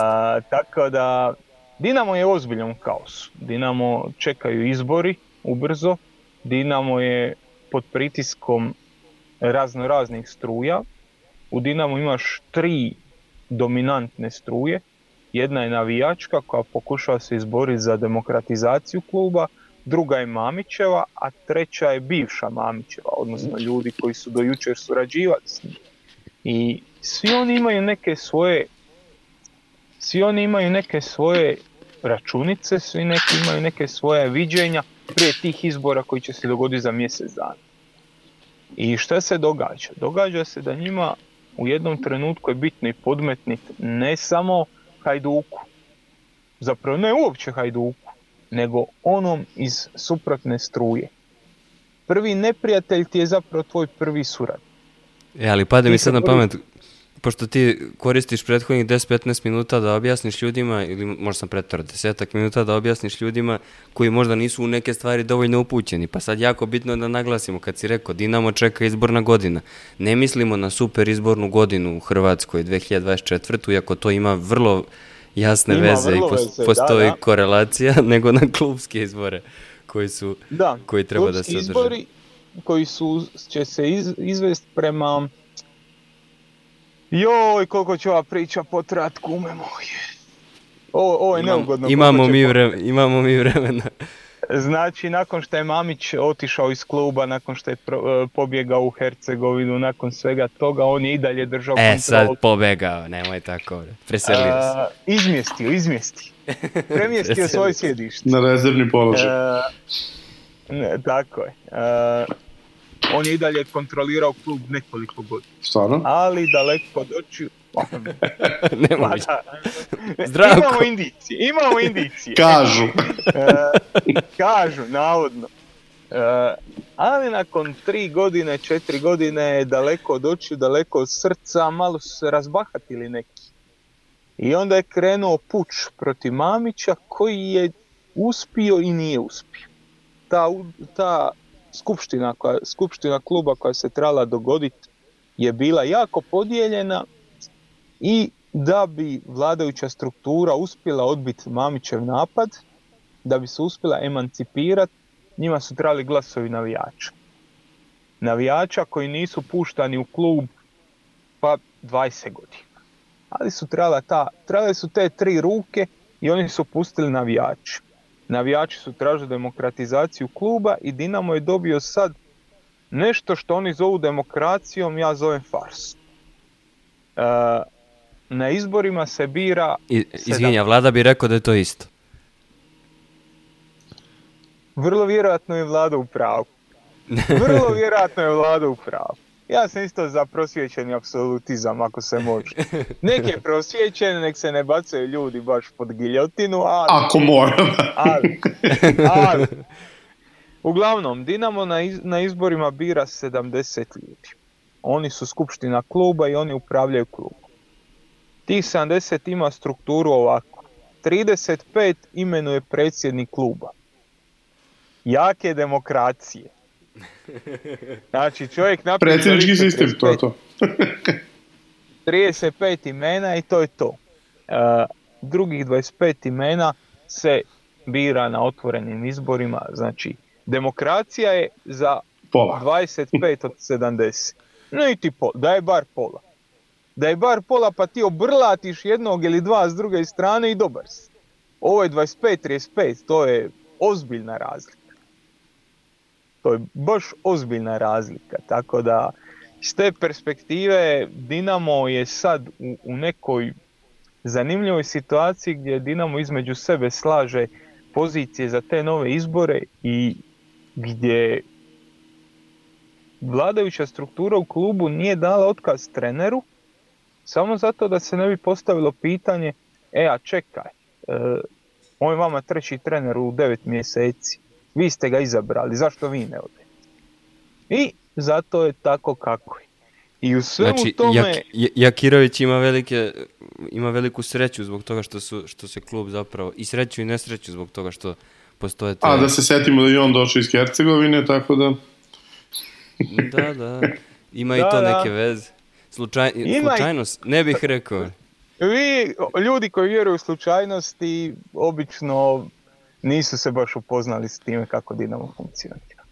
Tako je. E sad, zašto, ti, ja sam, zašto sam te ovo sve pitao? Da bi ljudi shvatili da koliko god da je bio dinamičan prelazni rok, koliko god da je Hajduk doveo i velika i važna imena i da se pojačao za, za prolećni deo sezone i koliko god da je Dinamo u Rasulu kad, i kad su ti transferi u pitanju da su zaboravili čoveka ili nisu želeli šta god da, da potpišu, e, ipak neke te stvari imaju možda i jači uticaj na to kako će se sezona razviti do kraja nego i, i to što je, su toliko podignute očekivanja u Splitu do nekih neslučenih visina, iako su tamo valjda u posljednje vreme kontinuirano visoka očekivanja i to što je u, Dinam, u, u Zagrebu haos, da li bi to onda Rijeka mogla da iskoristi po tabeli, sad trenutno izgleda da da, ali da li misliš da dugoročno do kraja sezone Rijeka to može da iskoristi, jer ona isto dovela neke važne igrače u prethodnom periodu i pritom ima kontinuitet, a nema takve lomove baš i udare.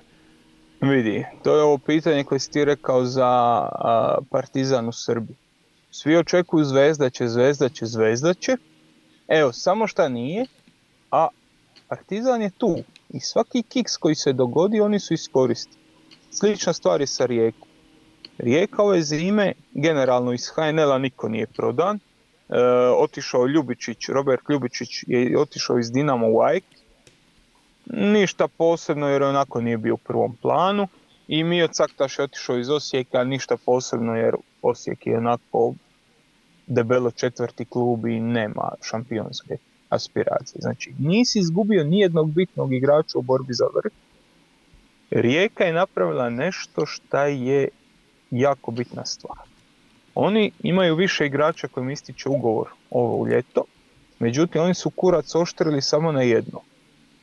Izvinite na riječniku. Jer. A, Lindon Selahi, koji je bio naš e, u, standarde, u standardu iz Liježa, tamo je potekao, tamo je e, napravio svoje prve nogometne korijene, došao u Rijeku, odigrao je dvije i po sezone i njemu istica ugovor. On ima novi ugovor na stolu, njega potpisao i on je zapravo suspendiran zadnje dvije utakmice jesenskog dijela. I bila je govor da je on otpisan do kraja sezone, neće se, na njega se više ne računa, on je izigrao povjerenje koje mu je klub dao, bla bla bla. I onda je Rijeka u te dvije utakmice odigrala katastrofalno jer on je taj zadnji veznik koji im omogućava da oni igraju, vjerojatno najbolji zadnji vezni HNL-a, e, pokrija sve rupe koje ovi naprijed ostave. Onog trenutka kad su oni odlučili pregrist svoj ponos i kad su potpisali s njim produžetak ugovora, ja mislim da je to najveće pojačanje u HNL-u ovog, e, ove zime. Oni jesu doveli Mirka Marića. Dobro, to se na- pokazalo odmah, jel tako? Da. Čim je počeo Hajduk. prolećni deo. Riješio, Riješio Hajduk. Hajduk, čovjek pogodio volejčinu svaka čast. Ali želim ti reći, e, oni iz tog drugog plana nema pritiska, nema ničega, jako dobro odrađuju posao, nanjušili su krv i jako dobro izgledaju. Hoće li uspjeti zadržati taj ritam, to ćemo vidjeti, ali ako bi trebao birati pojačanje polusezone, ja mislim da Lindo Salah ima tu debelo najviše, e, debelo najviše nekakvih pluseva, a uopće se ne radi o igraču koji je doveden. Radi se o igraču samому koji je rehabilitiran nakon tog nesporazuma koji se dogodio. Da, detaljno smo objasnili, pa ko želi još detaljnije da čuje o hrvatskom prvenstvu, može ponedeljkom slušati tribinu redovno. tako da može da čuje još neke detaljnije i zanimljivije stvari. Oni provedu 2-3 sata. Boga mi su posljednji put prebacili 3 sata objašnjavajući Jesu. neke stvari. Ne, nećemo više, nadam se. Nadam se da ćemo do dva i po. Volim, volim ovako kad, kad pričamo o ovakvim stvarima, onda da zatitram po vladinoj fantaziji, znam da on popizdi jer ga ne pripremim i onda on kaže, pa brate, znaš kao, daj neki jambu najavi da, da, će takve, da ćemo pričamo o takvim stvarima. Pričali smo sad o Perišiću o Brekalu i palo mi na pamet, e, ko bi bio, Vlado, ko bi mogao da izazove takav hajp u srpskom prvenstvu? Ko da se vraća sad u Zvezdu i u Partizan, ne mogu da kažem sad, ajde, u Vojvodinu A da nije Vlahović recimo ili naš. u Čukarički ili nema te vrste e, interesovanja. Kad govorimo o trećem i četvrtom klubu u HNL-u, to su Rijeka i Osijek. Kad pogledaš treći i četvrti klub, oni imaju neke navijače. Čuo sam od Mihe pre nego što imali, da. snimamo. U, vrlo organizovane po haustorima, imali su od uvek neke predstavnike jel, na tribinama, imaju, imaju ono jezgro gradsko koje navija za svoj klub u Beogradu i u, u Bačkoj Topoli nema baš e, tolikog jezgra za treći i četvrti klub u Srbiji e, ili bi neko rekao drugi i treći za- klub ili drugi i četvrti. Za treći klub u Srbiji nema jezgra ni na ono, ni, ni u sobstvenoj loži, verovatno. Ali. Pa zato ti kažem, i onda kad, e, kad pogledaš te stvari, ne možeš da pričaš ko...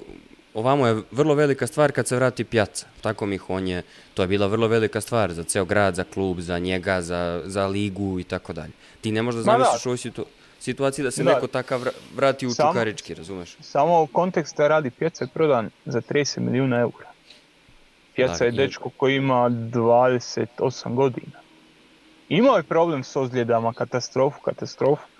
To je ozbiljan igrač. To je igrač Ozbiljan. koji igra za milijun i po eura. To je njegova realna cijena. Da, i onda, zato ti kažem, teško je da će tak, ta, takva stvar nekom drugom klubu, sem Zvezdi i Partizanu, da može se desiti, ali možda zamisliš, Vlado, ajde prvo za Partizan, pa ćemo onda i za, i za Zvezdu, jer je za Zvezdu možda malo realnije, s obzirom na finansijske kapacitete i generalno ambicije, ali ko bi bio, ko bi mogao takav hype da izazove, na primjer, da se vrati sad u Partizan, kad kažem da se vrati, to bi zna, moralo da znači da je igrao za Partizan. Ajde da kažemo da je neki srpski futbaler koji nije morao možda da bude u omladinskoj školi Partizana. Dobro, u omladinskoj školi moguće da igra i za prvi Ne, tim, što pa, Partizan da. vrlo rano pušta igrače da igraju. Ovaj. Jeste, zato ti kažem, može da bude neko ko nije igrao za Partizan, što igra za Vojvodinu, za, nemamo pojma za koga, znaš. Šta, ko bi bio? Sad možemo da lupamo bilo kog reprezentativca, ali šta misliš ko bi stvarno hype izazvao kod, kod Grobara? Hype kakav imaju u košarkaškom klubu, recimo, gde svaki dolazak e, je hype i, i, i sve oko kluba je onako na vrlo visokom nivou euforije. Pa nemam ideju, mislim, uzmi to što imaju, to su igrači koji su ozbiljni, pričamo o Vlahoviću koji ono, hype je da, da dođe u, u neku ekipu iz top 6 u Engleskoj, a ne kamoli u Partizan. da, da. Ove, a, a ispod toga je teško zaključiti ko bi, ko bi uzbudio, pa mislim Mitar realno, znaš, Mitar koji ti se vrati posle jedne godine u Saudijskoj Arabiji u Partizan, to bi baš bilo ono, saček. Ali to ništa nije realno, ne, moraš biti realan. Pa mislim, To ni... Pa dobro, ne, meni, kako, sa Mitrom... da, meni, meni, sa Mitrom meni se njim je apsolutno sve nego- moguće, da. Ove, Meni je to realnije nego da si me pitao da li će Brekalo završi u Hajduku, brate. U- Ma, mo, možda ne jedna, možda dve godine. Vratiš Mitra, ono, napraviš ono, sačeka ga 100.000 ljudi na aerodrom, mislim, taj, to je taj tip odnosa. Što se Zvezde tiče, Jer znaš šta, nije realno, sorry što te prekida, Mm. nije realno ni da se Modrić recimo vrati u Dinamo. da, Vrlo vjerojatno da on neće potpisati ugovor u Realu, bla bla bla, ali nije realno da se vrati. E, ja mislim da, da, da- da, krećete e, ideje iz krivog, iz krivog kuta. Neko će biti pojačanje, ko ima emociju da se vrati. pa za, za Mitra, za Pa, e, Mitra pa, baš Mit- mislim da ima je tu, emociju. da, da. Mitar je to, kao Mitar je, Mitar je Mitar je samo emocija, Mitar je ništa drugo. Ove, on je karijeru napravio na, na, na emociji. Ove, a što se tiče Zvezde, to je jako teško pronaći bilo šta, znaš, to ti je logično da razmišljaš o igračima tipa Luke Jovića, E sad je Luka Jović opet počeo da igra ozbiljan futbal na ozbiljnom nivou. Da, da. Tako da, da ti je ispao iz te konkurencije, a mimo toga tebi je ono, znaš ono, bio Boško Janković pre neku godinu da je, da je došao pa se vratio, to bi bilo tipa pre tri godine, to bi baš bio hype, o, to ti kažem. Ove, a od ovih ostalih, kad nema, nema tu baš nekih ove... A, a i sad kad ne pričamo... Znaš, ono Marko Grujić, ali ono Marko Grujić je... To Čudna je bila situacija, da. Ali al, znaš kako sad, na primjer, ovo kad sam te pitao za hajp, pitao sam te zbog Perišića, a Brekalo je nešto što je vrlo praktično Da, da. i za igrača i za klub i vrlo korisno, ajde da pričamo iz te perspektive. Ko bi bio za Partizan da ga vrati Partizan u ovom trenutku, ajde ne možemo da kažemo da bi im sačuvao uh, titulu do kraja sezone, ali ko bi mogao da bude to da, da je mnogo važan, važan njegov povratak za sve na terenu, da čini klub boljim, da donosi neku dodatnu vrednost. Nego ko bi bio, To je- bio ono ključni štoper ili, ili na, na sredini terena. Čini mi se da bi im zafalilo nešto kad već Natko ima godina koliko ima. Ove, nemam pojma. Čekaj da se setim šta postoji uopšte tog tipa. Ove, mislim, pa na, najveći hajb bi im bio da, da im se vrati neko od ovih e, stranaca koji su davali gomilu golova. Mislim, ti znaš koliko je hajb bio oko Leonarda da se vrati. I oko tava, Tavambe, vrat. E, ali nije oko Tavambe, stva- stvar sa Tavambom ne, ljudi su se više ložili na, na, na, na, na, na Sadika nego na Tavambu. Ove, Tavamba je majstor, mislim, ja se ložim na Tavambu, Tavamba je vrhunski futbaler. Evo, imam, imam, ja, imam ja jedno dobro, praktično, moguće, realno i korisno rešenje. Ajde. Uroš Đurđević. Misliš da bi ikakav haj bio oko toga? E, mislim da bi bio. No, Mislim da bi bio. Ubio si, ubio si hype i ovom Da, razgovoru. da, ja, Ne, ja, ne, a- ja ne verujem da bi to iko registrovao. Ja, ja mislim da bi to bilo, čovjek bio najbolji strelac te Ma možda bi on bio da najbolji strelac, ali nije, to nije hajb, znaš. To Bio je, nije... bio je u, i u sezoni tango, tango smrti bio najbolji strelac. Krljao se sa, sa Leonardom, tako da mislim da bi on bio možda ne hype, ali ovo drugo pitanje se odnosilo na praktičnu korist. Kapiram da bi to Znaš, bilo vrlo te, tebi za Partizan treba neko ko je vibe Moreire, ko je vibe Diare, znači ono Moreira, ono, da se vratio pet godina kasnije, sačekalo bi ga 40.000 ljudi na stadionu. Ove, Žuk. Žuka, Ta- taj- znaš. To je taj, to. taj level. Ove, A za Zvezdu... sa, sa o Partizanom je jednostavnije, za, zato, zato što ono, grobari imaju taj vibe da, da, da se vežu za igrača, dok ono na, na Marakani ono godinama bilo zabranjeno da se peva ime futbalera. Ove, nećemo valjda to. Ove, I drugo, u, u, ovi što su ostajali u Zvezdi neko vreme, svi su u fazonu, ok, kao ga Borjan, više kad će da ode. Ove, Na košarkaškim utakmicama je onako baš... dobro, bio košarkaškim utakmicama ti je, Kad dođe su ti sva imena jasna. Redom. Ne, ne, ne, ali kad dođe Radonjić, to sam hteo da kažem, kad dođe, on, on Da, je da. često na košarci i onda kad dođe Nemanja Radonjić, onda navijači pokazuju baš onako da bi voljeli da ga vide u svom dresu. E, a- ali, ali to da bi- pokazuju navijači. Uh, navijači, mislim, da, da. Uh, Delije Sever. Uh, mislim da je su uh, različite stvari koje hoće generalna publika To i jest, oni. to jest. On jeste tačno njihov lik. Ove, ali da.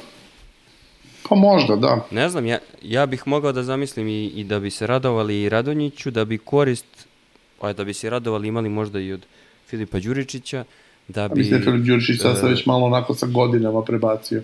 A drugo, znaš, Jeste, Filipa jeste. Đuri, Filip Đuričić nije igrao senjerski futbol u Zvezdi i, i, i ono, Nije. Se, seti se koliko ljudi nije bilo srećeno zbog toga što on ovaj, nije igrao senjerski futbol u Zvezdi. Pa, Zbog načina na koji je otišao. da, Da, znam šta hoćeš da kažeš, ali kapiram da bi ovaj drugi deo pitanja se odnosio na praktičnu korist, kapiram da bi neki iskusan igrač tog tipa ili neko ko je Da. ostavio već trag u Zvezdi bio bio vrlo koristan, ali da, manje je te... lijevog beka da vi pošaljete njegov E, to, to, da. Zvezda nema levog beka. Ima jednog levog beka koji je igrao prethodnih šest godina. to je to. To, to. I, I veruj mi, ne želiš ga u Hajduku, eventualno u Dinamo da ga, da ga iz Zvezde pošalje, to bi ti bilo, Šipaju. to bi ti bilo korisno, možda najviše od svega. U svakom slučaju, suština mog pitanja za vladu je bila u tome da nema te vrste hajpa i nema te vrste... Ne, ne, sa, sa e, Partizanom mogu da zamislim sa Zvezdom jako teško. Pa se Zvezdina publika nema- je ekstremno toksična, tako da ono, jako je teško zamisliti bilo koju vrstu pozitivnog hajpa oko bilo čega. Ja sad kažem za Uroša e, da se vrati, on igra u španskoj drugoj ligi, da se vrati da se vrati takav igrač koji je bio najbolji strelac jedne sezone i to takve lude sezone u HNL, ja kapiram da bi u tom klubu koji se on vraća bio hype. Siguran sam da je dao 30 golova ili koliko je Uroš dao te sezone, da i, i pritom imao ono bif sa, sa sa igračem koji je dao isto toliko golova i, i povukao ludilo tu sezonu, pritom se za njega znalo da je zvezdaš pre nego što je došao u klub i da se vrati on, da imaš sličnu situaciju, paralelu da povučeš da se vrati takav igrač u Dinamo ili u Hajduk ili u Rijeku, ja kapiram da bi se o tome pričalo ne na nivou kao naravno o Perišiću ili Brekalu, ali da bi to bila stvar. Hoću da kažem da ovde šta god da se desi, nije the thing, nije ono, sad došao je, jedino da dođe Vlahović u Partizan, a, a ono Dušan Tadić da dođe u Vojvodinu i, i ne znam ko je treći da dođe u Zvezdu, pa kao imaš, ne, haj, ni to mislim ne bi. Da, ali pazi, mislim, Perić, Perišić je veoma specifičan igrač, mislim, ja stvarno to sam rekao 140 puta i reći ću opet, ja mislim da Perišić najbitniji igrač hrvatske reprezentacije u, pred, u celom ovom periodu odrastanja od, de, od 98. U, pa, od 98. tako je. I ovaj dakle nije nije fudbaler kojeg možeš porediti sa bilo kim osim sa Tadićem i Mitrovićem u, u, da, u, da, u Srbiji, da. znaš. A pritom je, pričamo o levelima, mislim, dobro, okej, okay, slična je stvar, pošto su ovi pokupili Srbiju koja je bila tu gde jeste, pa su je doveli tu, tu gde je sada, ove, ipak i Perišićeva ekipa krenula sa, sa mnogo više tačke, pa, pa i stigla na mnogo višu tačku. Ali, ove, s te strane, znaš, mora da bude hype, kako da ne bude hype, drugo, mislim, Split je, nema titule toliko godina, treći u Splitu, šta god da se radi, radi se tako, uvek ćemo se vratiti, ali na Gorana i, i, i doček, znaš, to, to, to tamo očekuješ. Ja, ja stvarno ne mogu da zamislim da zvezda, da zvezdina publika to uradi. Znaš šta, znaš šta ti je najbolji opis Splita? Kad je Hajduk, kad je Torcida slavila rođendan, 70. rođendan, napravljena velika bakljada ljudi su najležernije, strani mediji su najležernije to prenosili kad je Napoli osvojio titulu, kao o, pogledajte proslavu u Napolju. Nije proslava u Napolju, to je rođendan u Splitu. Da, da. To je utorak za nas. da, da. Mada je meni bolji opis šta je Split, sport i, i taj hype što vlada kaže ta najčuvenija sportska parola na ovim prostorima. Da, da. Hvala kurcu Gorane, valjda to, to je nešto najbolje što je ikad napisano vezano za sport ovde, ali to jeste ovo što, što pričamo, nema te vrste hajpa u Beogradu, je mnogo teže da se tako ishapa. Pa mislim, prvo, pazi, prvo, prvo ti u Hajduku imaš taj outsiderski moment gde ti si protiv Zagreba, svi su tvoji otišli u Zagreb tamo da studiraju i ostali, znaš, ti moraš njih da pobediš, ali kako ćeš sa zvezdom taj vibe napraviti? To je, to je teško, ali, ali postoji jedna stvar usudio bih se da kažem da je level eh, hajpa oko Perišića manji oko hajpa koji je nastao kad se vratio Željko Obradović. Znači, košar, ili ne mogu da poredim hajp sa, sa hajpom koji je kod zvezdinih navijača bio kod Teodosića, da je Teodosić došao dve godine ranije, možda onda bi to bilo ludilo i ekstaza, ali to je zapravo, košarka može da generiše tu vrstu energije u Beogradu, futbal zbog stanja u kom se nalazi Partizan i zbog ovog što ti kažeš, o zvezdaškoj javnosti i težini da se ona naloži, e, malo teže može na taj način da se, da se razvije. Svakako, nekako smo na zanimljiv način, ja mislim, završili ovu epizodu i priču o prelaznom roku koja nas je naterala da pričamo o svemu ostalom kako bismo objasnili prelazni rok i kako se u njemu ništa nije desilo. Sledećeg utorka ćemo imati siguran sam više tema jer se futbal onako sistemski vraća, svi futbali se vraćaju i rasporedi liga se vraćaju relativno u normalu, tako da... Znači, januar je bio, ja ne znam, mislim šta je ideja bila u Engleskoj, napraviti ovako januar gde ništa se nije događalo. Bukvalno, možda najgori januar od kad, od kad gledam Premier League. Da, da. Ovo razvukli nešto, nema... Bo, bolje da nisu igrali tri nedelje. Bolje, bolje. U svakom slučaju, sledeći put ćemo pričati o, o sigurno u Premier Ligi i polako, će, polako se bliži Evropa i bit će tu raznih tema vezanih za UEFA, to sam takođe siguran. Vama dvojici hvala što ste Miho u e, polu sedećem položaju, polu ukočen u, u automobilu zbog nesrećnih okolnosti, a vlada u situaciju u kojoj je do malo pre bukvalno pisao tekst koji ćete sutra čitati, što ste bili sa mnom u ovoj epizodi. Hvala momci, to je pod A. A, a pod B je da pozovemo ljude da slušaju podcast, da ga rejtuju gde god ga slušaju, da ga šeruju, da se subscribe-uju na YouTube kanal koji polako raste, to je istina. Ja ću uzeti sebične zasluge za ovaj podcast i za Pakito Put zbog rasta YouTube kanala. Nadam se da, da uživate u svom sadržaju koje vam velike priče nude, jer i u ovom formatu i obliku imate i psihološki podcast, i sportski podcast, i kulturni, i imate taj gastronomski sa pakitom, a na sajtu Veliki priča svaki dan možete čitati makar po jedan e, sportski tekst ovih autora koje slušate u ovom podcastu. Nemojte propustite priliku, pošto pretplata na velike priče košta bukvalno kao dva espresa, koja bi Miho popio da ga mi nismo davili u ovoj pauzi bez doma. Tako da, e, ako dva espresa košta zadovoljstvo da čitate Mihu, Vladu, Juraja, Tonija, Miloša, Sašu i pomalo mene, onda i ako niste spremni na to, onda nemojte slušati ni podcast koji je džabe. U svakom slučaju, hvala što ste s nama svakog utorka, hvala što, što se pretplaćujete polako na velike priče, nastavite to da radite i gurajte podcast gde god možete do sredine juna, onda idemo na neku sledeću etapu. Hvala ljudi još jednom i čitamo se, pišemo, slušamo se u narednim nedeljama. Pozdrav! Ćao! Pozdrav!